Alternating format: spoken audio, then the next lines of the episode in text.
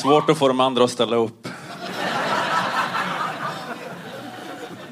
Eh, nej, jag bara gick ut här för att någon var tvungen att gå in och trycka på en knapp här på datorn.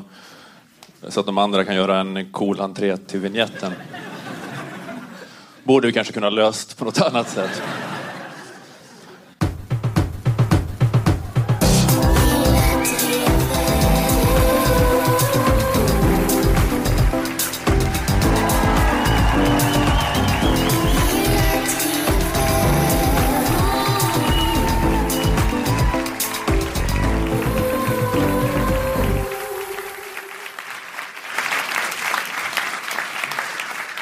Då säger vi välkomna till det 150 avsnittet av Lilla Drevet. En samtidskommenterande podcast för Aftonbladet Kultur som görs i samarbete med Akademikernas A-kassa och fackförbundet Jusek.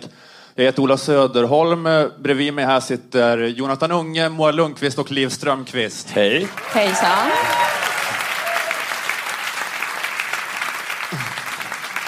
Eh, Som ni kanske hör så spelar vi in veckans podd inför publik. Vi befinner oss i Stockholm, en av de mest spännande städerna i ABC-regionen. Vi är på eh, Scalateatern, närmare bestämt. Det är nästan för mycket. Ja, Det är inte rimligt att spela in en simpel mellanpodd i en så här fin lokal och en så här fin stad. Det har jag sagt, jag har i och för sig sagt i varje avsnitt fram till det här att det här är bara en simpel mellanpodd. Det kommer inte bli något annat här. En simpel mellanpodd.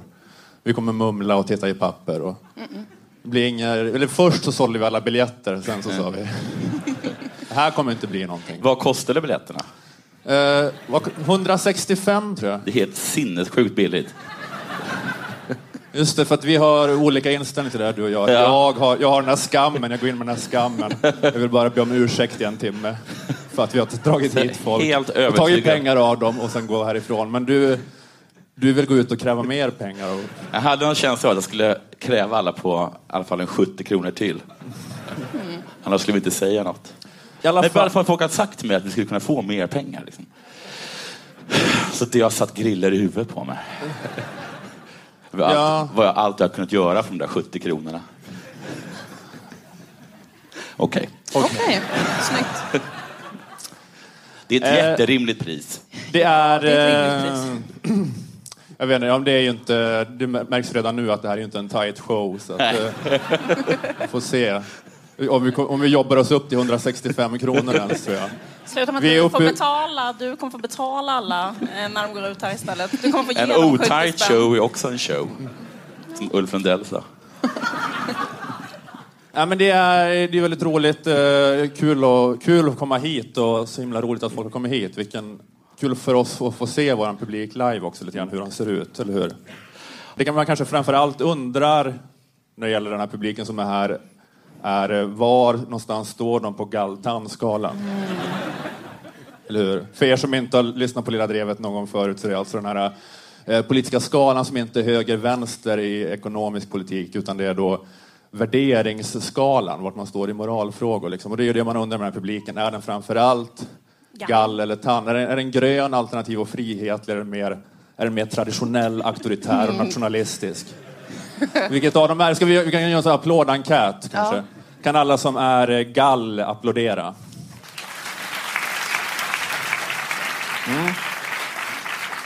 Och så kan alla som är tann applådera. Skönt. Vi hade gått av scenen annars. Jag vägrar uppträda i något annat än en filterbubbla. Eh, nej, men jag tänkte inleda här med att prata om någonting eh, viktigt. Jag vet inte om ni har märkt det, men det finns en dubbelstandard när det gäller till hur vi förhåller oss till totalitära mördarideologier. I fallet med nazismen så darrar man inte på manschetten. Nej. Vi är snabba och tydliga med att ta avstånd från allt som ens andas nazism. Om någon trivialiserar eller förringar nazismens destruktivitet kommer hela svenska offentligheten resa sig som en människa och göra den till paria, den personen. Men så är det tyvärr inte med alla mördarideologier. What? Jag läste en grej jag läste en grej på Twitter i måndags som gjorde mig så förbannad. Eh, men det var en tweet som passerade, för den var ett uttryck för det som i svensk offentlighet är den fina mördarideologin. Åh nej. Det var den kristdemokratiska politikern Sara Skyttedal som apropå att det var en eh, kall dag i Stockholm twittrade ut en GIF på en Game of Thrones-karaktär i snöstorm och texten citat jag skulle kunna tänka mig den där globala uppvärmningen nu. Aj, aj, Slutcitat. Obehagligt. Hur är det möjligt i Sverige idag, 2017, att en företrädare för ett riksdagsparti kan ha den här romantiserande inställningen till kapitalismens brott? Det, Det är, det är gräsligt. ja, men tänk om det hade gällt en annan mördarideologi. Jag har bara svårt att se att om någon vänsterpolitiker hade den hö-hö-inställningen till kommunismens brott och twittrade ut att alla på Timbro borde skickas till Gulag. Då hade det blivit ett jävla liv. Ett jävla liv hade det blivit. Jag tror inte att Skyttedal, hennes meningsfränder, hade tyckt att det varit ett så roligt skämt. Jonas Sjöstedt hade varit tvungen att starta ett uteslutningsärende. Ska bli spännande att se om Ebba Busch Thor gör samma sak nu. Men vi har förstått bara den här dubbelstandarden. Om nazistiska och kommunistiska dödsläger, då är det konsensus i fördömanden. Men om man påtalar det faktum att hela planeten är ett liberalt dödsläger. Då ska det ursäktas och relativiseras. Och inte, några, och inte, och inte utav några sekteristiska dårar som marscherar i Borlänge, utan av uppburna människor från de fina salongerna som ursäktar att sådana som Skyttedal aldrig riktigt har gjort upp med sin smutsiga historia. Det är som att de, eh, de har svårt att hålla rent mot kapitalismen. Alltså nu är det till exempel kaos på gatorna och matbrist och förtryck av oppositionen i, i Venezuela. Eh, och då ska ju alla som någon gång sagt något positivt om Hugo Chavez jagas upp sina hålor.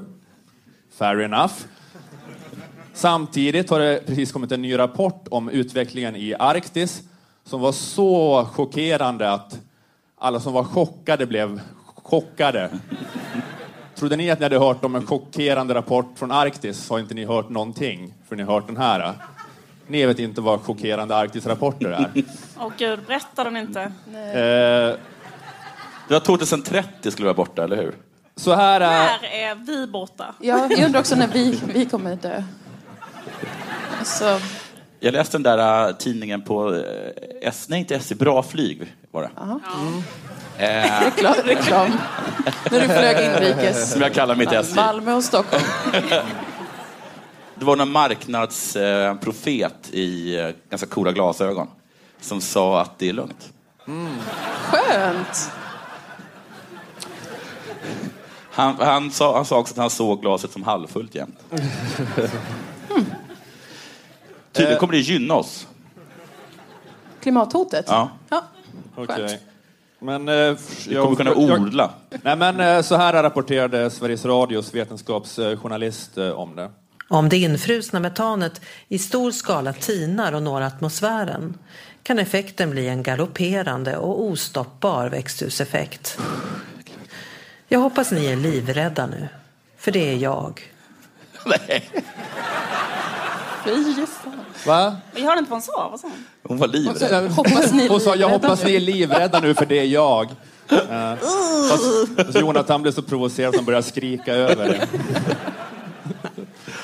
Skrika om vad han har läst i Inflight-magasinet.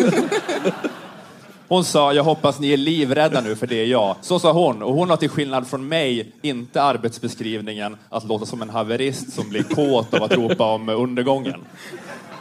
Hon ska som Sveriges radiojournalist eh, inte använda det tonläget då.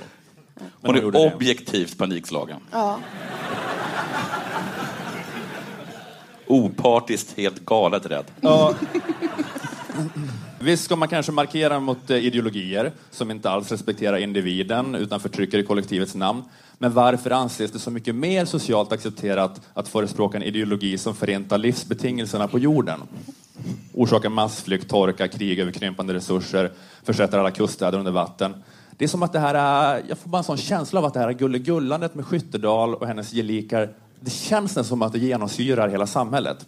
Särskilt inom universitetsvärlden verkar man belönas med professurer bara man bekänner sig till den fina mördarideologin. Man förespråkar ett system där alla ska leva som om det fanns 18 jordklot, att varenda del i varenda sak man konsumerar ska färdas kors och tvärs över jorden i fossila bränslen drivna fordon. Att vi ska ha en ständigt växande ekonomi, en ständigt växande industripark och fordonsflotta och en ständigt växande konsumtion i en värld med ändliga resurser. Och alla bara, vet du vad? Inget av det du säger går ihop. Så du ska få skriva läroboken i ekonomi. Alltså det är ett jävla liv. Det är ett jävla liv för att Sven-Erik Lidman, som kallade sig kommunist fram till 1989, att han har skrivit ett av standardverken som alla svenska studenter i idéhistoria läser. Men så finns det då den fina dödsideologin, kapitalismen. Då är det andra regler. Jävla liv om identitetspolitik dårar på Södertörn. Det sägs inget om Handelshögskolan, där de har sin egna lekstuga. Man accepterar forskning som är helt genompolitiserad och genomsyrad av en extremistisk ideologi. Eh, och man ska ju alltid säga, ursäkta kapitalismen och säga att det inte är något fel på ideologin. Det har ni hört va? Förödelsen beror inte på kapitalismen i sig. Visst, alla kapitalistiska stater som har existerat hittills har varit ekologiskt ohållbara. Men det är i så fall för att det aldrig har varit riktig kapitalism. Det är inte ideologin som har begått rovdriften på jordens biomassa. Det är de dåliga ledarna. Nu ska vi ha en grön kapitalism. Men alltså den här klassiska bortförklaringen, eh, att eh, det är en sympatisk ideologi som har vantolkats. Ta till exempel då Kanadas premiärminister Justin Trudeau. Han är den snällaste, han är den snällaste, finaste ledaren. Han är så woke. Han är superhjälten woke man. Han har tagit en selfie med varje syrisk flykting Kanada har tagit emot. Alla 18. Trudeau har ju aktualiserat det här klassiska filosofiska tankeexperimentet. Om man tar emot en flykting och det inte görs en viral gråtvideo när man hälsar den välkommen på flygplatsen, har man då tagit emot en flykting? kan man tänka det oändliga på. Äh, men han är så woke. Hela dagarna har han ceremonier där han delar ut mänskliga rättigheter, medaljer till Malala. Det är så mycket ceremonier i Kanada för Malala så hon har inte tid att gå i skolan. Han är jättesnäll. Han är jättesnäll, Trudeau. I Parisförhandlingarna så pushade, han, pushade Kanada och han för att det skulle vara ett mål på en och en halv grads uppvärmning istället för två grader. Men samtidigt så kämpar Trudeau för att bygga nya pipelines som ska utvinna Kanadas olja. Jag läser i en artikel i The Guardian att han på ett möte för oljeindustrin i Houston för två månader sedan sa att eh, citat Inget land hittar 173 miljarder fat olja i marken och bara låter det ligga där. Slut citat. 173 miljarder fat är alltså vad som beräknas finnas i Kanadas oljesand. Och om det tas upp och eldas så skulle det generera 30 procent av koldioxidutsläppen som krävs för att ta oss upp till 1,5 grader. Alltså Kanada, Kanada är ett land som har 1 procent av jordens befolkning. De tänker unna sig att använda upp 30 procent av den återstående koldioxidbudgeten. Samtidigt då som de i retoriken driver på för att vara mest eh, klimatvänliga. Och, och, det är ju då, trots att Trudeau är så snäll, men han måste göra det för han har inget val. Det är systemets obönhörliga logik att han måste göra det. Trots att han är så woke och snäll så måste han. Jag menar att även liksom med den mest välmenande så blir det så här. Alltså han gör ju inget annat än att gå runt hela dagarna och respektera skiten ur alla minoriteter i Kanada. Lyssnar på siker. Det är hans vanligaste fotomin. Om ni, bild, om ni bildgooglar Justin Trudeau. Hans vanligaste fotomin är lyssna på en sik. Ut? Visa hur den ser ut. Men också, han, han har en sån här sikmössa då. Han har gått in i deras tempel och respekterat dem med en sikmössa. eh, han lyssnar på en sik, har på sig en sikmössa, sitter i skräddarställning på en matta, lyssnar på en äldre sikisk man. Men även han måste förinta livsbetingelserna. Är det inte då dags att ifrågasätta ideologin? Det kan inte bara vara olycksfall i arbetet varje gång att det slutar i förödelse. När det inte ens går med han som respekterar siker så mycket. Ja, tack, tack för ordet. Mm.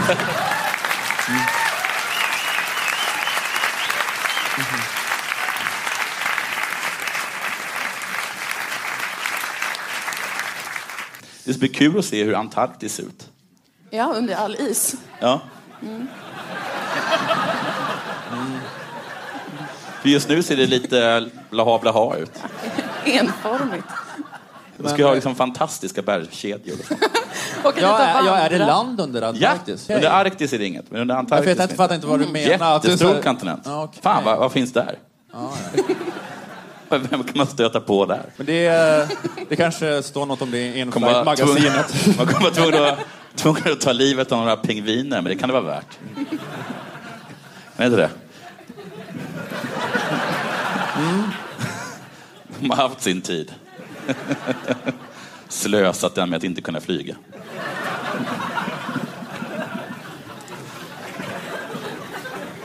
Kanske finns en dal som är trevlig. Man kan tänka så också, som han, Ja, ja, ja. som han är bra, ja. är bra flygs... eh, Men jag har aldrig, eh, jag har aldrig liksom... Eh, jag har aldrig uppfattat att du gillar hike så mycket. Nej men på riktigt, jag har, jag har faktiskt alltid tänkt på vad, vad fan finns i den där massan. Det är ganska stort liksom. Och vi har liksom aldrig haft tillgång till den. Vi har fått en helt ny kontinent. För det har alltid varit så att, att så här, allting är ju upptäckt. Men där kommer det finnas, jag kommer kunna gå där och bara, vad är det här för något? Förutsatt att du lever. Men det kommer ju vara så här, så som det ser ut i Mars. Alltså något så här uppblött, lite...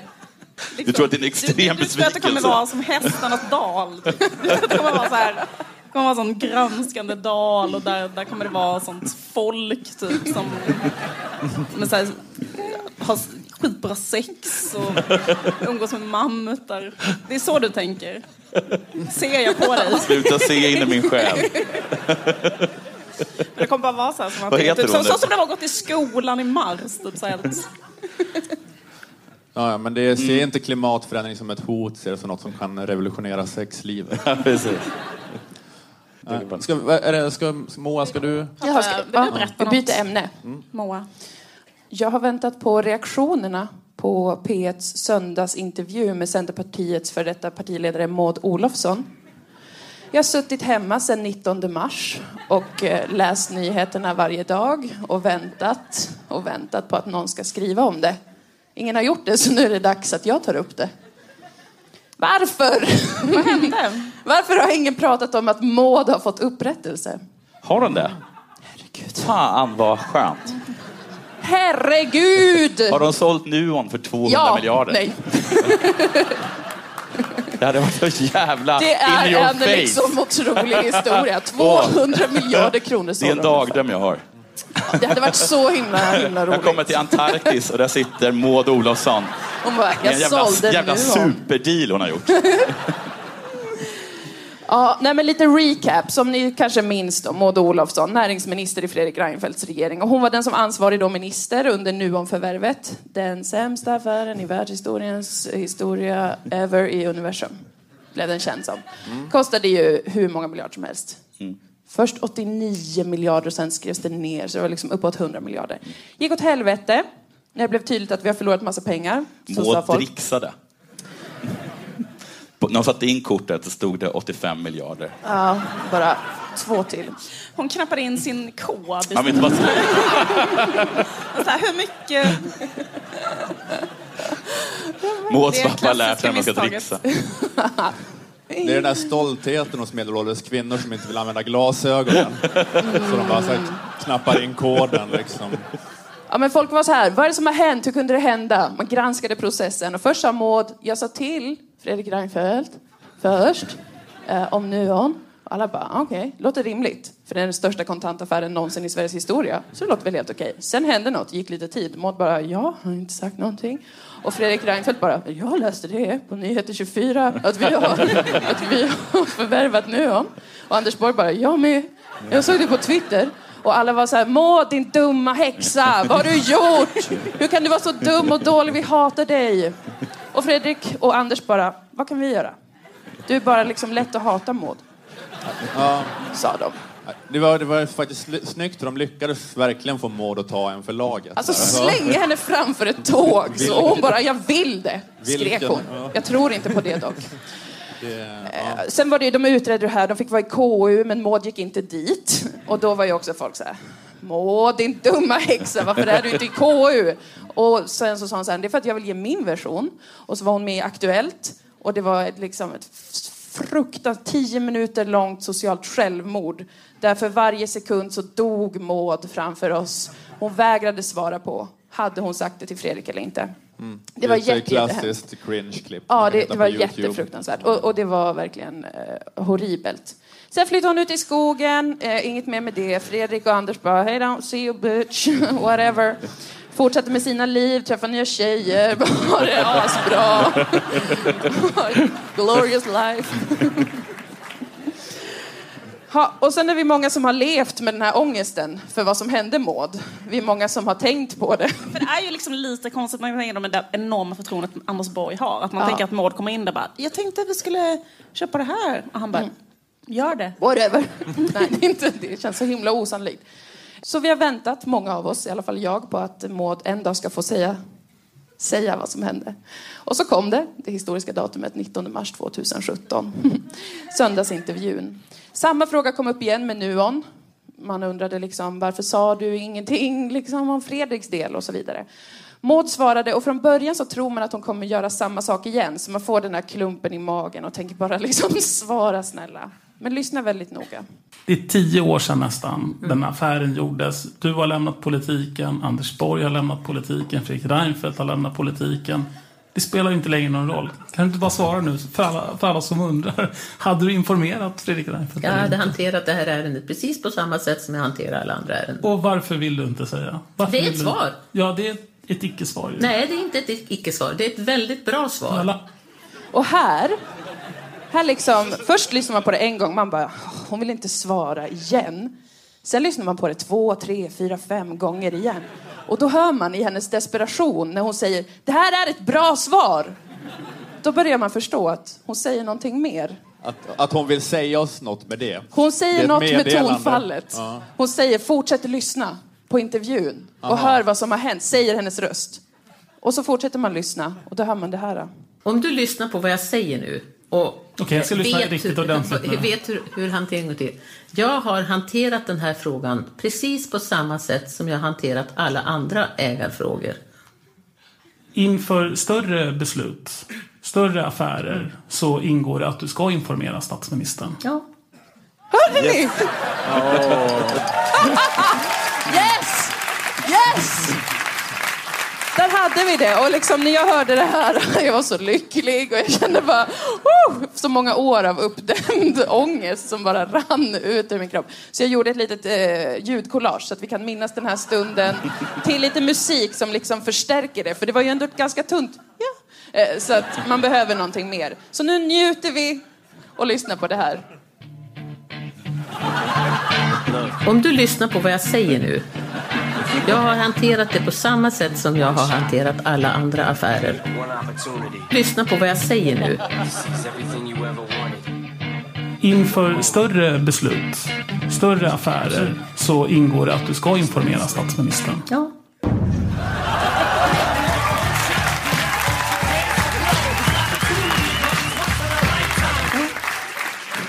Hade hon suttit då i en halvtimme och blinkat och dragit sig i Ja, öronsnibben? det hade varit kul att se det filmat. Hon bara, lyssna på vad jag säger nu. Man behöver förstärka det liksom. Men fan vad skönt, det var allt.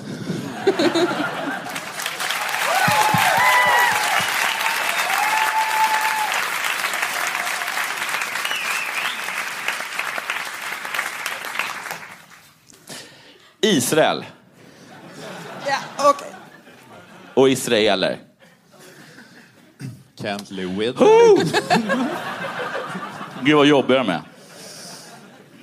Exakt, exakt så är det ju. Som du sa. Skriker antisemitism så fort de får den minsta kritik. De kallar upp ambassadörer i tid och otid. Snackar skit om Ikea. Välter lampor i konstverk.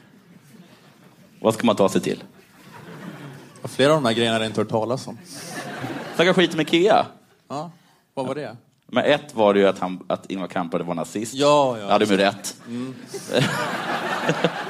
Men De, två... de ser ju antisemitism i vad som helst. Ja, precis. Det. Men eh, också någonting om att eh, vi trodde att, att Margot trodde att det var lika lätt att sätta ihop en IKEA-möbel som att fixa freden och sådär. Sen svarade de ganska kul på det. Hur som helst. Hur kan man närma sig dem? Det undrar ni, det undrar jag, det undrar sossarna med Margot Wallström i spetsen. Enligt sossarnas hemsida, citat, Världssamfundet måste föra en dialog med alla relevanta partner i konflikten. Det är viktigt att fredsförhandlingar mellan Israel och Palestina kan leda fram till en varaktig fred. Jag var ju drack öl med dig Ola en gång på Möllan. Minns du det? Du får ringa in det lite mer tror jag. Det var med några, jag undrar om det var Stockholmskompisar eller eh, Sundsvallspolare som du träffade. Med dem så var även deras mor som var Margot Wallströms högra hand. Ah, okej. Mm. Okej. Eh, och hon förklarade efter några eh, under västen att Israel-Palestina-konflikten är den viktigaste konflikten i hela världen och om man löser den så kommer man lösa världsfreden. Och det är alltså hennes höger, det är alltså Margot Wallströms högra hand. Nu är det här, det här är en fyllhistoria säger ni. ja, men det är en sann fyllhistoria. Så Eh, om då, Om hon har sagt det om här, hon har sagt det, Ja. Och, Eh, eh, ja. så... Hon visste inte alls om hur on the record hon var. Nej. Så, och om det stämmer som hon sa, att hon är Margot Wallströms eh, högra hand. Kanske var det fler, inte var en kanske var tant fler som än hade jag satt som sig ljög där. den dagen. Det Så bara måste en det vara det, kvinna det var på det och det var-. Det var två som ljög. Men, eh, så måste ju de tycka att Jag det kan är säga så här, en jätteviktigt. kvinna på Möllan som En- en sa galen att kvinna hon på var Möllan. eh, Margot Wallströms högra hand har sagt detta i alla fall. Du har, du har sagt till mig, Ola, att det som hon sa stämmer att hon var. Det här är på dig, Ola. Hur som helst, det måste betyda att de tycker att det är jätteviktigt. Om det är så jävla viktigt, hur lockar man då israelerna till förhandlingsbordet? Det måste, så måste man ju tänka. Hur får man dit dem? Låter man en EU-parlamentariker stå och hålla i ett porträtt av en man som legat bakom bakhåll och självmordsbombare? Det är en, ett sätt. Sitter man i intervju med Al Jazeera och låter dem definiera svenska kommittén mot antisemitism som svensk högerextrem? kan man göra. Röstar man för en resolution i Unesco som kan tolkas som att Israel inte har rätt till Jerusalem? Möjligtvis. Kallar man offer för terrordåd för dödsfall? Det är semantik. Eh, ja, det ska man. För det är ju så. Det är exakt så. Kalla en spade för en spade. Det kan kännas rakryggat om man faktiskt tycker så. Man kan ändå säga att Margot Wallström har varit ganska rakryggad med sådana saker. Hon har sagt att Farange är vidrig. Stämmer ju. Eh, Putin är hemsk, etc. etc. Så på det sättet är det ju bra. Men säkert diplomatiskt är det inte. Säkert diplomatiskt är det inte, och det är väl det hon är, eller hur? Hon är en diplomat. Ja. Och Hon har himla otur med Israel hela tiden i alla fall. Det är har som hon. att eh, hon vill aldrig att det ska bli fel, men det blir fel hela tiden. Hon har otur. Hon är inte diplomatiskt smidig. Varför är man inte eh, lite smidig som man är till exempel med slöjan och Iran? Det var man, vilket jag håller med om, lite smidig. Det är klart att man kanske att det, här, att det kanske inte står rätt till om man ska vara sorts feministisk politik. Men nu var vi ju där. De ville att vi skulle ha den på oss. Vi var gäster, vi är diplomater. Låt oss vara lite smidiga. Varför är man inte lite smidig med Israel och dödsskjutningar? Två anledningar tror jag. Ett, man har tagit sida. Så är det ju.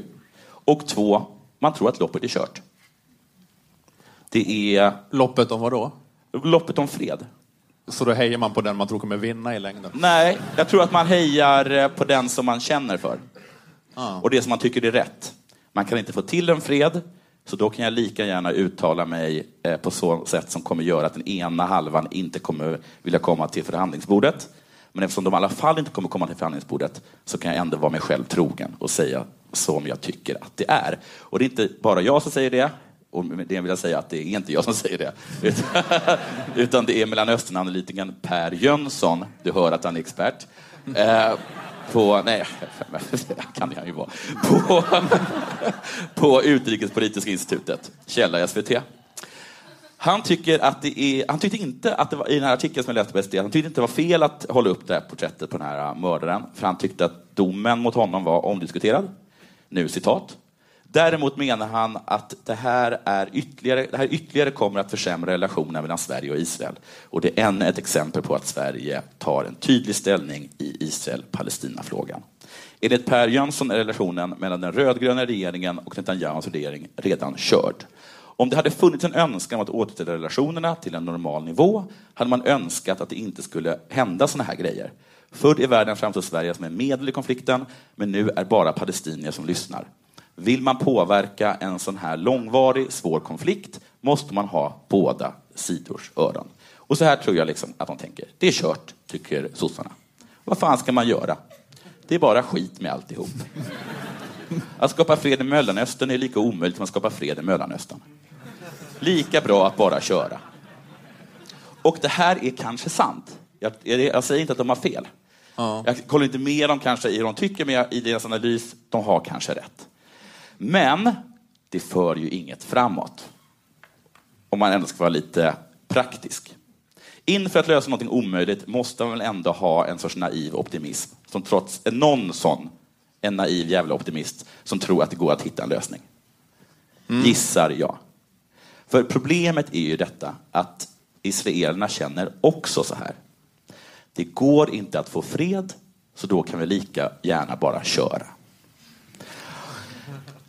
Det fanns något som heter De nya historikerna i Israel. Ett gäng historiker som ifrågasatte liksom sagan om Israels eh, uppkomst. Som tog upp liksom, eh, att man fördrev palestinier, etc.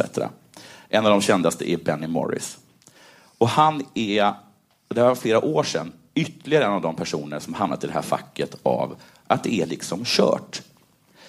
Han hävdade att man var tvungen att bomba Iran nu med atombomber. Men, men, men han var den här historikern innan... Han var en kritisk historiker. Liksom. In- han innan- ifrågasatte den nationalistiska eh, liksom, sagan om hur Israel bildas. Liksom. Han var liksom en progressiv israel som var för, Ja. sympatiserade med palestiniernas sak, men nu har han gått till eh, njuka hela skiten. Jag tror inte på något sätt att han är liksom på Netanyahus sida eller någonting. Men han delar Netanyahus syn på själva konflikten.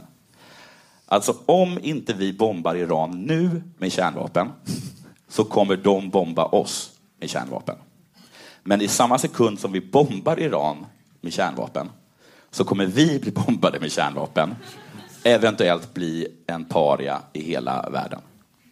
Så att vad de än gör så är de körda. Och det är liksom den rådande känslan i Israel. Att vad vi än gör så är det kört. Så vi skulle kunna, antagligen så lägger vi oss liksom på, eh, på rygg och låter oss bli mördade. Eller så kämpar vi emot och blir mördade. Jag tror inte att det är en sån himla bra inställning som medlare. att ha nu är det kört. Även om den är sann så tror jag inte att den är så praktisk om man vill till, få till en fred. Israel tror att allting är kört. Margot Wallström tror att allting är kört. Allt är kört. Nu, vändningen. Jag tror inte att det är kört. Hurra för mig! är det bara jag som brinner? är det bara jag som har en glöd kvar i den här konflikten? Margot, Bibi, jag var också som ni. Jag var också, trodde att allting var kört. Det är en himla bekväm soffa att sitta i. Och hade, hade Margot och Bibi Netanyahu varit här, hade de ställt sig upp och slowclappat till den här övertygande framställningen. Jag var helt övertygad om att det inte fanns någon helst chans till fred. Så är det bara. Men så kom vändningen. Jag träffade en fruktansvärd antisemit i Betlehem. Kanske en av de mest öppna, vidrigaste antisemiter jag någonsin hade träffat. Hemsk person. Glödde av judehat. En härlig israel, eh, palestinsk kvinna som inte ville något annat än att alla judar skulle dö. Och hon fick mig att vända. Hon berättade nämligen en historia för mig om att hennes pappa och mamma och hon då blev fördrivna av, eh, eller flydde, eh, av den israeliska armén 67. De stannade upp då i, på Västbanken i en grotta. Och där sa fadern till dem att vi kommer inte lämna den här grottan. Judarna ska inte få pusha mig längre än till den här grottan. Den här grottan är där jag drar gränsen. Ja, jag gav upp mitt hem och mitt företag. Men den här grottan jag hittade, den kommer de här judejävlarna aldrig att få mig att lämna. Så där bodde de i den där grottan i flera år. Och till slut blev den här kvinnan då, som var ett litet barn, hon blev eh, så gammal att de skulle börja i skolan. Skolan fanns eh, sex kilometer därifrån och hon var tvungen att gå igenom ett minfält. Eh, hennes mamma sa då, vi kanske borde flytta. Eftersom vår dotter är tvungen att gå varje dag fram och tillbaka i ett minfält. Och han sa, judarna ska inte få pusha mig från den här grottan. Går inte. Och då bestämde hennes mor att han var sinnessjuk eh, och de flyttade till staden där skolan var i. Och, Vilken oerhört vacker historia. men att, du menar att det skulle kunna appliceras på makroperspektivet? Att eh, ifall eh, den här kvinnan kunde se att det här var sinnessjukt. Det Så, finns fortfarande människor som vill gå i skolan. Som vill att deras dotter ska få en utbildning och inte behöva gå genom ett minfält.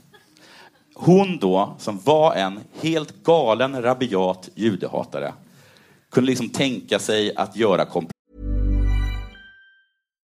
Millions of people have lost weight with personalized plans from Noom, like Evan, who can't stand salads and still lost 50 pounds.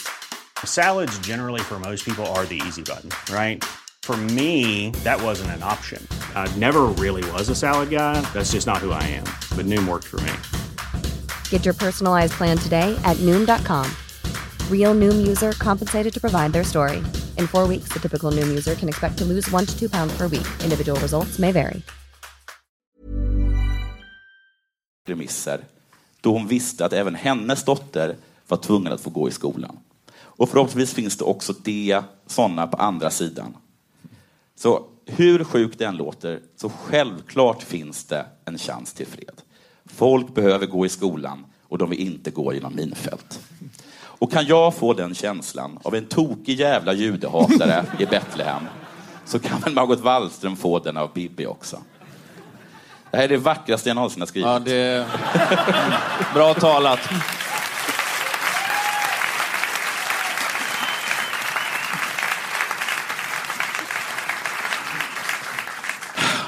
Gråtpaus. Vi avbryter festligheterna på Scalateatern för ett sponsmeddelande. Eller jag vet inte om det är festligheter som pågår på Skala. Jag spelade in det här innan så det kanske är ett haveri. Och därför är det en stor lättnad för er nu att få ett avbrott där ni får höra lite information om Akademikernas A-kassa och fackförbundet Jusek. Förutom att arrangera livepodd med Lilla Drevet på Scalateatern så ger Akademikernas A-kassa trygghet i arbetslivet åt 700 000 akademiker i Sverige. Gå med i gänget du också. Akademikernas är för dig som har eller är på väg att ta 180 högskolepoäng. Eller för dig som har 120 poäng med det gamla systemet. Medlemskap kostar endast 100 kronor i månaden och då får du upp till 20 000 kronor i månaden om du skulle bli av med din anställning. Eller om du är egenföretagare och behöver lägga din firma vilande. Ni som arbetar i Jusek-branscher bör även gå med i fackförbundet Jusek. Då får ni bland annat inkomstförsäkring som skyddar er ända upp till 80 000 kronor. Att vara med i Akademikernas och Jusek kostar 351 kronor sammanlagt. Är du redan Akademikernas medlem lägger du alltså bara till 251 kronor för att också få vara med i facket. Tar du steget och går med i Akademikernas a-kassa och snedstreck eller fackförbundet Jusek tack vare den här podden får du gärna skriva det i din ansökan. Du kan också berätta om det i sociala medier under hashtag lilladrevet. Okej, åter till den här succén, eller det här haveriet, eller något som är helt okej, som pågår på Scalateatern. Det ehm, har ju varit mycket snack om näthat Ja. de senaste liksom, eh, åren. Det har ni hört talas om. Många har eh, höjt sin röst och eh, pratat om det här. Vi ska i den, i, det, i den offentliga debatten, vi ska naturligtvis ha en offentlig debatt och jag eh, tycker att Facebook och alla sociala medier är fantastiska, eh, det är fantastiska möjligheter till att, till att utöka det offentliga samtalet. Men då måste vi också stå för en anständighet. Hade han mössa på sig? Säg att han hade det. Fan vad söt han var. I, Ja, har i du vår sett- har du- fantasi så har han alltid mössa. Ja, har ni sett den här bilden när han tittar upp i stridsvagnen? Ja, jag har gjort. Han är så roligt. Han har ju, han har ju sån här hard hat, eller vad heter även när ingen annan har det. Var det du sa det? Ja, Du exakt. sa det till mig, eller hur? Ja, ja, precis. Alla står med, med kala huvuden. Ja, exakt. Och så har han alltid en bygghjälm på sig. Ja. Så här, vad är det? Du gör arbetsplatsbesök på ett dagis. Jag ska ha bygghjälmen då. Det är för gulligt. Men eh, när han tittar upp på den där stridsvagnen, det hade också kunnat vara en lösning på Israel-Palestina. Så nästa gång man ska slå ner en intifada, ifall det är den lilla gullungen som tittar upp ur, ur, ur liksom Jag tycker han ser ut som kanon, det där, eh, så är det ingen som dör. Försök att hitta ditt hjärta, kasta sten på det här. Det, men, jag, men jag tycker det ser ut som en sån, eh, det där spelet där det är så här bävrar som hoppar upp och man ska banka ner med en klubba. Så jag, jag tror att det är den impulsen som hade liksom väckt. Ja, Wack- Wacker Löfven. Just det. Det påminner lite om Eh, sånt. Ja. Eh, skitsamma, det har varit ett uppmärksammat problem, näthat. Men jag tycker att det finns ett eh, annat problem på internet som inte alls har blivit eh, lika uppmärksammat. Och det är eh, problemet eh, att det är konstigt positiv stämning. Ja.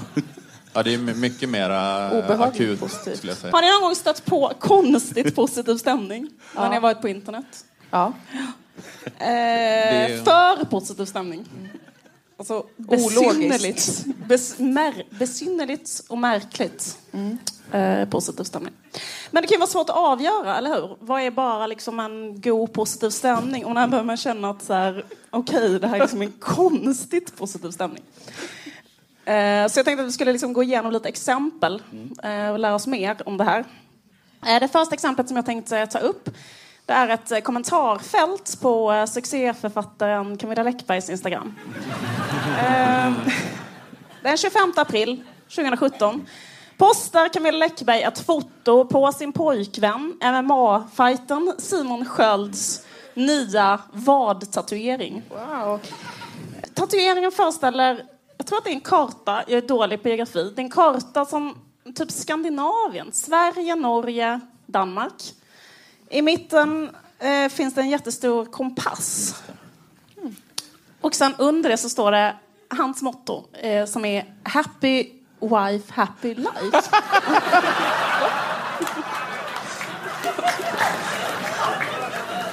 Så otippat. Jag säga. Jag väntade mig något annat citat. Att det är svårt för, att vara hur det hänger ihop. Är det Ja, menar? precis. Eller... Hur, hur, finns det någon förklaring till hur det hänger ihop med Skandinavien? Men kan det inte vara så att hon har sagt snälla älskling, eh, tatuera in Skandinavien och en kompass? Och han bara okej, happy wife, happy life. Jag vet inte. Eh, hur som helst, Simon Sköld har då tidigare själv postat den här bilden på sitt Instagram. Då har någon skrivit något negativt om hans tatuering i kommentarfältet. Näthat. Eh, och eh, därför har då Camilla repostat den på sin egen och skriver då bildtext. Varit mycket tjafs om att Simon Schulds tatuering på hans Insta. Själv är jag dock mest nöjd över att ha hans motto i livet permanent inskrivet Happy wife, happy life. Smiley med solglasögon. Men är hon också, håller hon också med om att den är lite blaffig? Framgår inte. Nej. Men på, den här posten eh, som hon har gjort, den har då 194 kommentarer. 100% positiva. Oj. Eh, signaturen Grodansk skriver så här. Jag är inget tattoo-fan, men satan vad den var snygg. Peace. eh, piece of art med riktigt bra budskap. Fint. Rosa hjärta. E. Elida Eliasson skriver Man bestämmer faktiskt själv över sin kropp. Sant, eller hur? Eh, point. Eh, och man ska låta folk göra exakt vad de vill. Eh, vissa åsikter kan man hålla för sig själv. Smiley, tummen upp. Den är grymt snygg. Och sen en sån smiley med tungan ute. Grymt Nej. snygg. Mm. Eh, Man dreglar. ja, exakt, eller man liksom bara... Ja. Skandinavien. Eller flämtar så. Skandinavien. Eh, Mario skriver, jättesnyggt utropstecken. Strunta i alla tokiga människors tyckande och tänkande. Ni är underbara som delar med er av ert liv som ni gör. Varmt tack för att ni är så öppna med ert liv och vi andra får följa med i det ni gör. Världens finaste motto, rött hjärta. Var rädda om varandra. Fint, eller hur? 194, 191 till, förutom de här tre, i samma ton. Men det var för att det var någon som skrev något neggigt under Simon Skölds bild och då Precis. måste det ställas till rätta av 194 kommentarer. Exakt. Som skriver, den här var jättefin, den här tatueringen. Mm. Eh, vad jag ville liksom komma till, vad jag ville ringa in med den här liksom kulturen som skapas, då, att det skapas en... Eh, att liksom forceras fram i det här kommentarfältet, skulle jag säga, en lite... En kultur där man liksom... Där, där liksom negativa känslor kring den här vadtatueringen är eh, förbjudna eller starkt skuldbelagda. Vissa saker kan man hålla för sig själv. Man ska alltså inte... Det liksom stressas fram en, eh, en stämning eh, som går ut på att eh, vi får bara ha positiva känslor kring vadtatueringen här.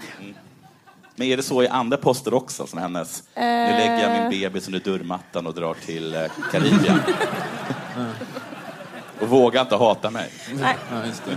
Och det är det bara 194 sådana high five emojis.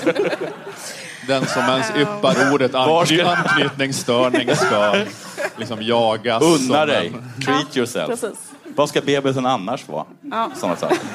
Precis.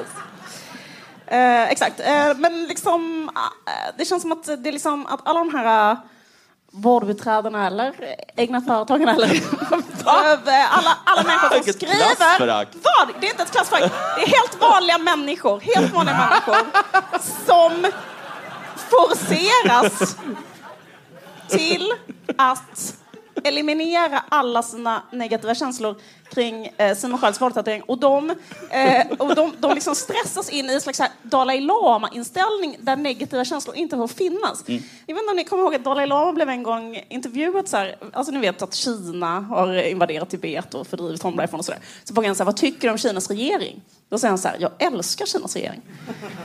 Eh, för att han liksom har inte negativa tankar. Nej. Och det är det som liksom händer typ, lite, ungefär. De säger jag älskar den här vadtatueringen. Och liksom sensmoralen är här, kolla hur det går för tibetanerna. Ingen vidare, de Nej. bara bossas runt med. Men det finns liksom många olika typer av eh, positiv stämning, konstigt positiv stämning. Nu, jag tänkte vi skulle gå vidare till ett annat exempel eh, som eh, hände på programledaren Linda Lindors Instagram. Den 3 september 2016 la, postade Linda en bild på sig själv på sitt Instagram. Eh, och det är eh, på henne själv när hon står eh, eh, på en klippa vid havet, vid sitt landställe, vid en brygga. Och hon står liksom med ryggen mot eh, kameran då. Och så är hon naken, hon gå ner i ett nakenbad men hon har alltså så väldigt fint eh, täckt sin rumpa med en eh, handduk. Jättevacker bild. Hon är otroligt smal, otroligt solbränd. Hennes ben sticker fram under den här eh, fladdrande handduken som två sådana orangea vägpinnar som man har eh, för att inte åka av vägen. Ashet. Men det är inte porrigt, det är sensuellt. Ja. Kan man, jag, jag, Jag har en fråga här. Var det mer sensuellt än porrigt? Jag vet inte om jag kan avgöra det. Men det var nog sensuellt. Under det här fotot så skriver Linda bildtexten. Saknar morgondoppen på landstället. Idag hade jag velat börja dagen så här. Blått hjärta. Hashtag morgondopp. Hashtag bada naken. Hashtag Lappland. Hashtag kallt vatten. Hashtag lycklig. Hashtag bästa känslan. Hashtag cold water. Eh, hashtag nakenbad. Hashtag Wilhelmina. Hashtag foto. Eh, och slutligen eh, hashtag landställe. Eh, bilden har 21 kommentarer. Alla kommentarerna är positiva. Men vad skulle det negativa vara? Det var väl lite kallt? Eller vadå? Jag vet inte vad negativt. Det skulle kunna vara vanligt positivt. Ja, ja. Men nu så läser jag upp dem så får ni själva avgöra. Signaturen Pettersson understreck Magnus börjar med att skriva den här kommentaren. Vilken härlig bild och vilket härligt landskap. Mikael Wolf Umeå skriver då, så vackert som alltid. H. Hakan Pettersson 47 skriver, fina ben, smile med solglasögon. Eh, Mats Paulin skriver, jag vill att ni ska komma ihåg de namnen. Mikael, Ja, Håkan, men det känns som att my- mycket ligger i namnen snarare än i kommentarerna. Är nästa Ola Söderholm? Är det här porr? är det sensuellt? Nästa är Ola Söderholm. Är det här sensuellt eller är det bara porrigt? Jag tycker det är sensuellt. Tummen upp.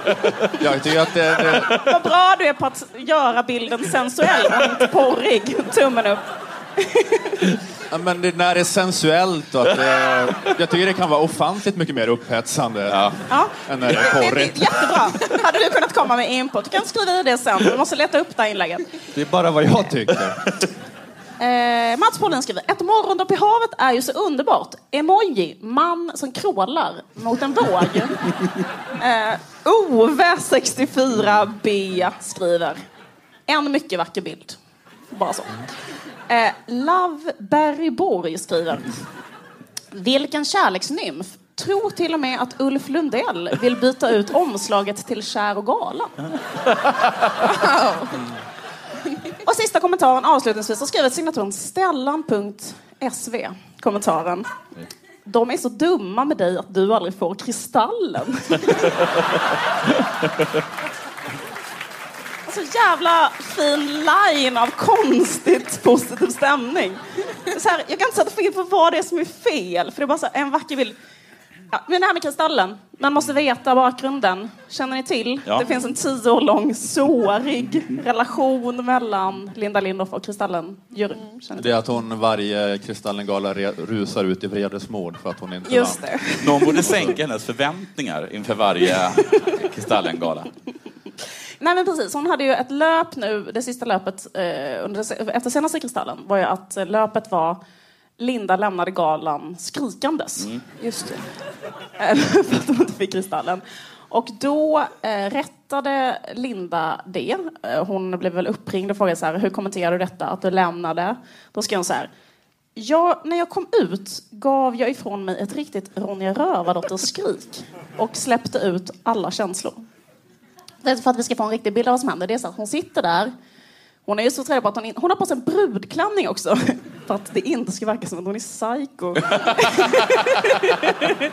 Hon gör det för att fira kärleken, för eh, hennes program skapar kärlek. Skitsamma, hon sitter på Kristallen, hon är nominerad för tionde året i rad. Alla vet att hon har liksom... Eh, eh, men, men hon går ut och skriker. Hon skriker inte alls som en avgrundsande. Hon störtar ut när hon har förlorat och skriker, då, skri- och då skriker hon så här.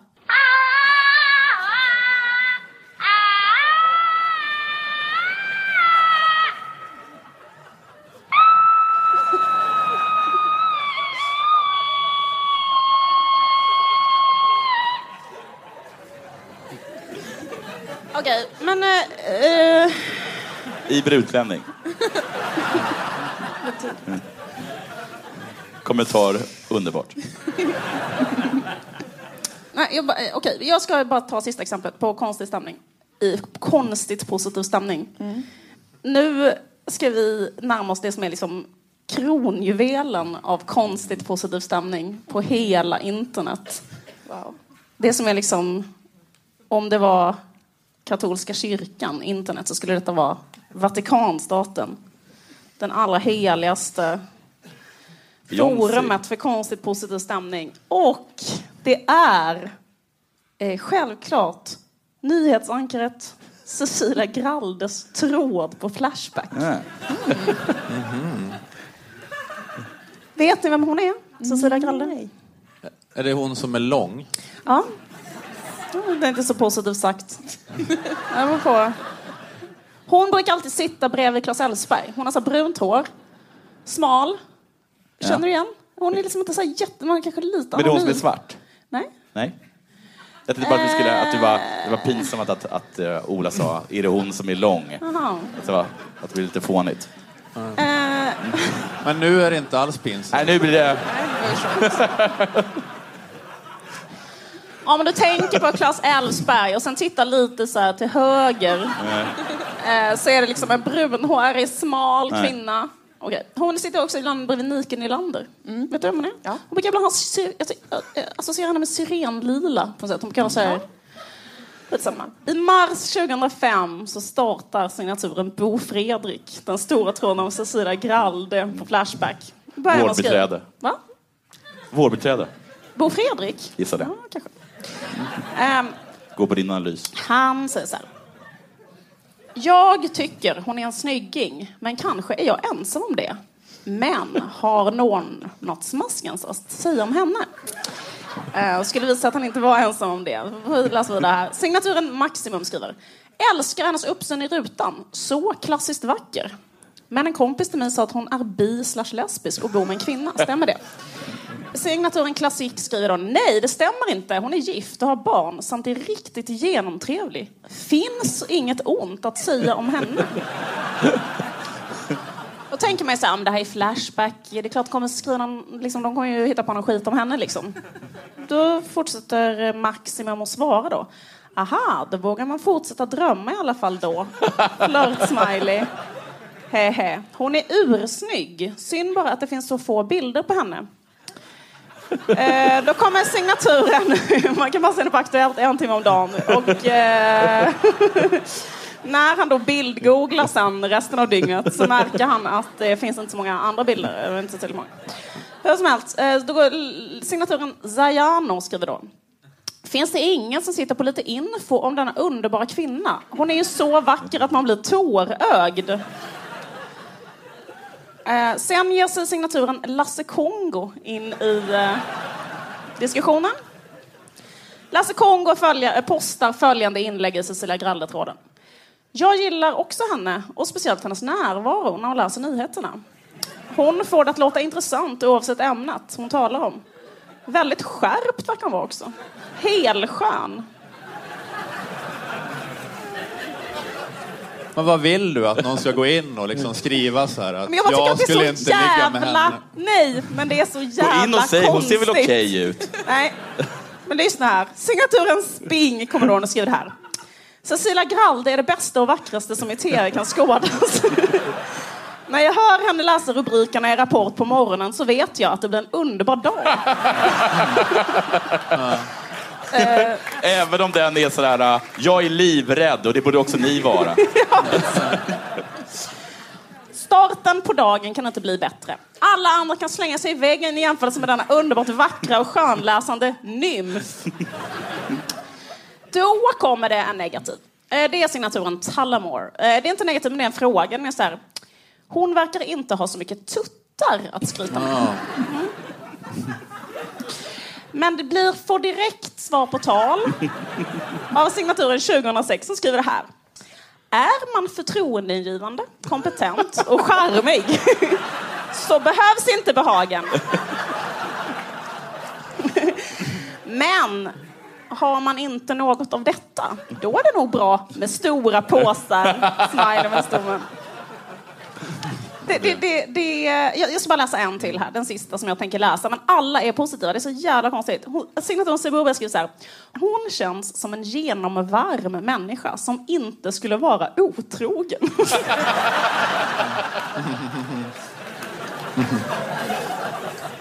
Jag tycker bara att det är så jävla konstigt. Det går liksom inte riktigt sätta fingret på... Alltså, allting på Flashback är bara sånt liksom, hål av liksom, Eh, så jävla mycket så här, kvinnohat. Och Sen bara finns det en tråd som liksom inte säger ett ont ord men som ändå är... Alltså, det, är också, det måste ju också vara creepy liksom för henne fast på ett helt annat sätt. Att det är så här, allt på Flash, alla, liksom, att vara mest hatade kvinnan på Flashback kan ju vara jobbigt då. Liksom. Men så är det så konstigt vara den kvinnan på Flashback som alla så här älskar mest.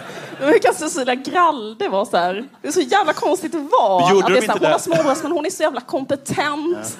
Eh, och hon läser, hon är så neutral, hon har så bra närvaro när hon läser nyheterna. Men Så gjorde de inte är det liksom- så grej med Åsa Linde, Lindeborg och massa andra, att de samlade dem och så fick de läsa upp alla hatmejl de fick. Och sen när det var hennes tur så blev det en sån himla konstig stämning.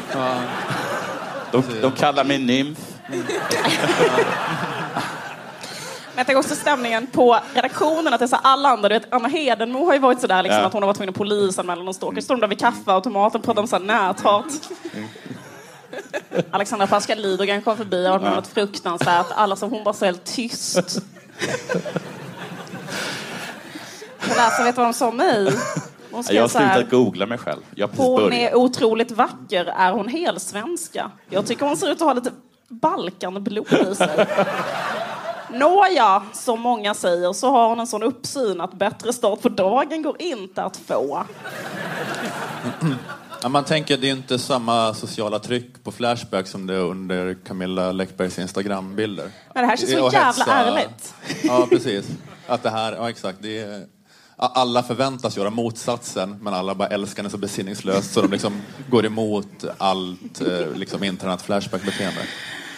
Det är eh, konstigt positivt, det var bara det jag skulle säga. Mm. Och kan någon eh, någon gång, alltså det här är ju inte ett problem, men skulle kanske Stefan Löfven någon gång kunna säga också någonting om den konstigt positiva stämningen. Dels är det lite creepy positiva som vi kunde se i de här två sista exemplen, men kanske också något om den här eh, forcerade Dalai Lama-stämningen som liksom tvingas fram där alla måste liksom eh, älska Simon Skölds eh, vadtatuering.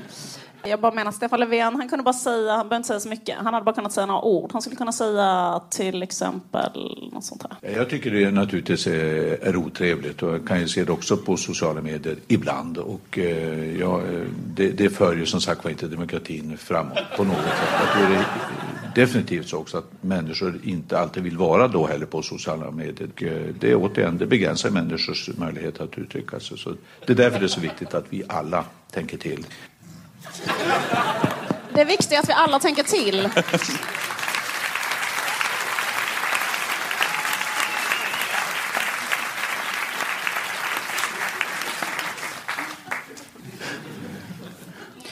Det var ju Europadagen igår.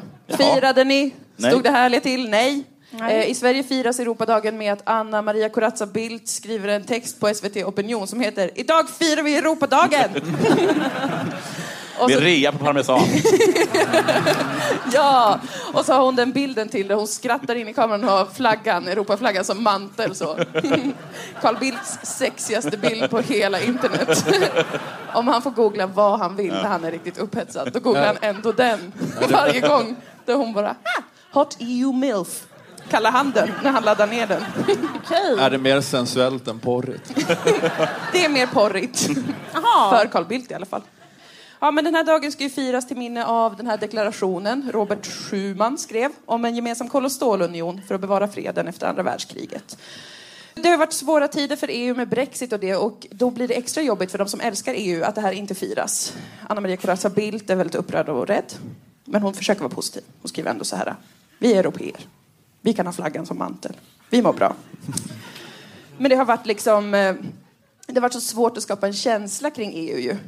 Det har vi pratat om lite tidigare, att ingen kan riktigt väcka den här riktiga, åh vilken union vi är och jag är europé och jag hänger upp i europeiska flaggan hemma på balkongen. Det är ingen som gör det. Nästan ingen. Och man har testat allt, nästan, de som älskar EU. Man har testat musik, har ju EU-hymnen, men det är bara en låt av Beethoven. Så alla när de hör den, de bara "Vad- tänker vad, vad bra Beethoven var på musik. De tänker inte, jag är med i en union. De man bara, han var riktigt bra på piano. vad det nu var. Det är den här associationen, vilken världsdel kom Beethoven ifrån, som man det är väl inte ja, gör på det viset man borde. Sen så försökte man ju också med lite annan musik. Man har gjort vissa rap-songs. Man skickade ut Christer Sjögren för att sjunga I Love Europe. Just det. Lyssna lite på den. It's something in the air that makes it enchanting. This is the place for you and me. We refer to one big family. Ingen kände att vi var en del av en... Eller kanske några började känna det efter den här låten. Men sen gick ju Christer Sjögren, som ni vet, och drog skam över sig själv och sitt namn och även den här EU-låten genom att vara med i Sommarkrysset och framföra en cover på Lady Gagas Bad Romance. Och eh, när, liksom, när man såg det här så drog han ju ner den här låten också i skuggorna. När man hörde detta så var det ju bara... åh, herregud. Jag blev, Lyssna, av, Ola. jag blev av med oskulden till den här låten. Till covern.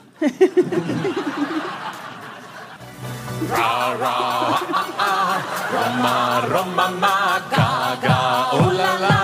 Want your bad romance? Ra, ra,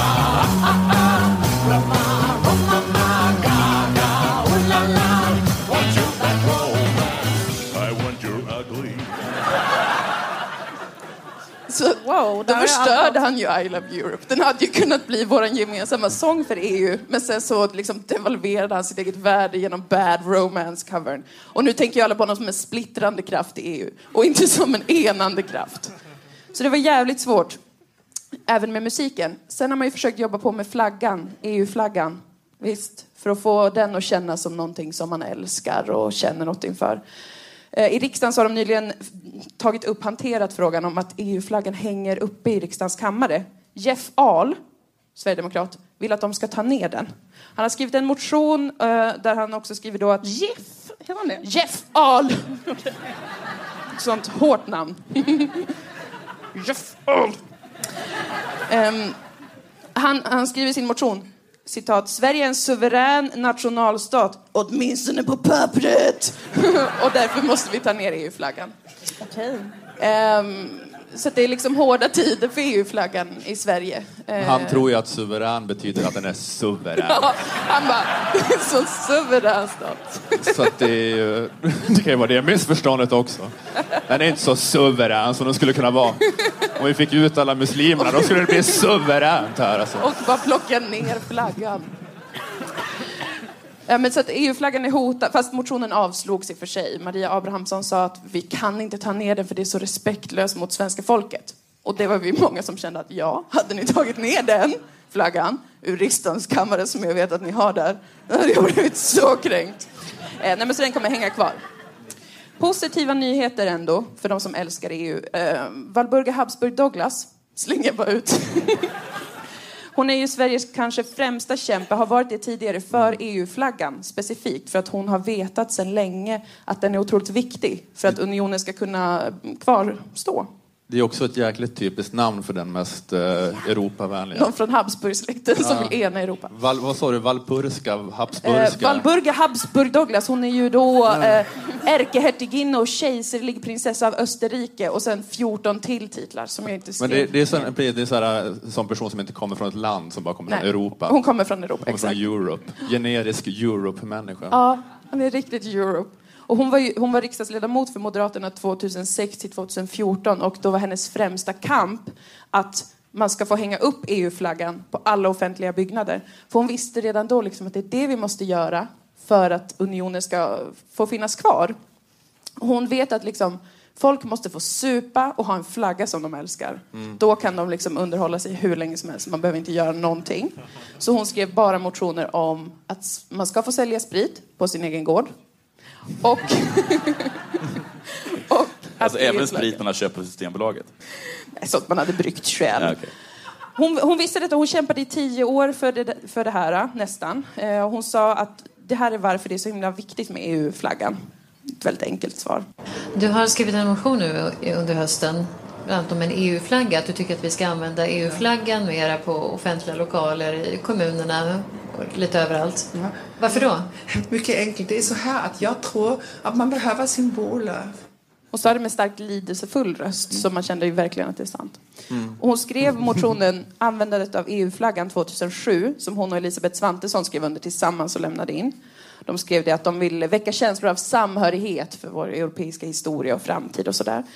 Den avslogs 2007. 2008 lämnade hon in den igen. Ny styckindelning, ny titel. EU-flaggan på offentliga byggnader hette den 2008.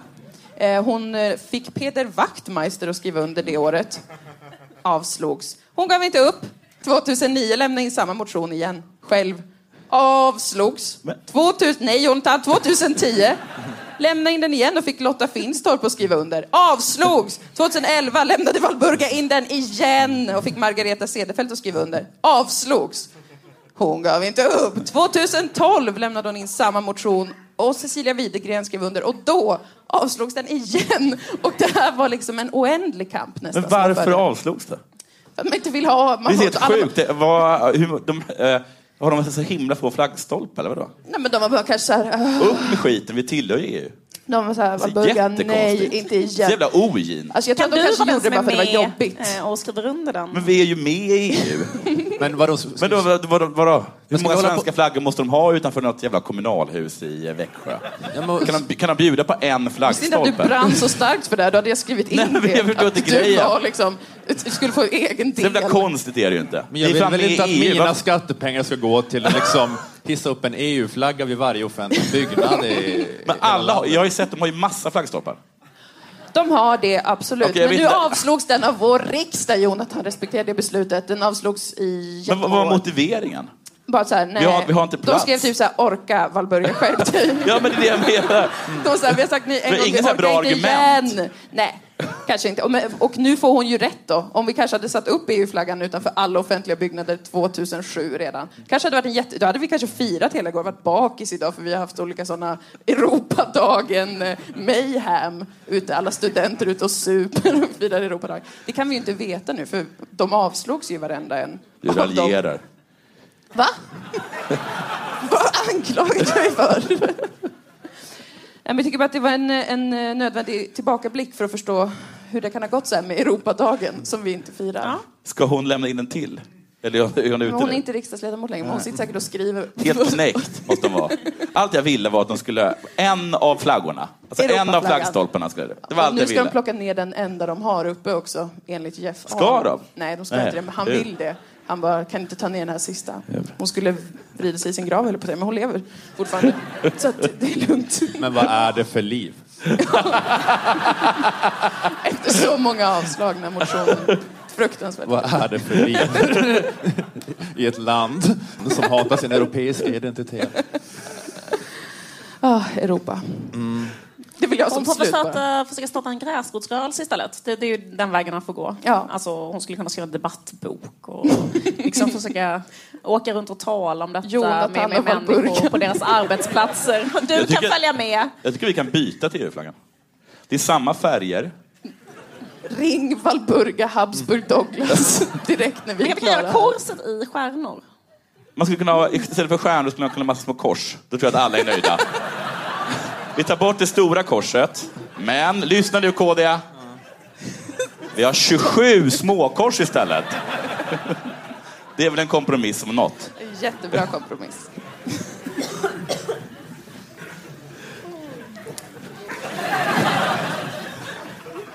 Ja, ska vi tacka för oss kanske, eller? Ja. Eh, jag vet inte, vad, vad brukar vi säga? Vi säger tack till Aftonbladet Kultur, Akademikernas A-kassa och fackförbundet Jusek och... Mal- nej, inte Malmö musikstudio. Vi spelar inte in där nu. Uh, fuck, fuck Malmö musikstudio, säger vi. Uh, ja, vad fan, vad säger vi? Vi, vi heter... Uh, vi, vi var Lilla Drevet. Det var jätteroligt att träffa er. Tack ska ni ha. Tack.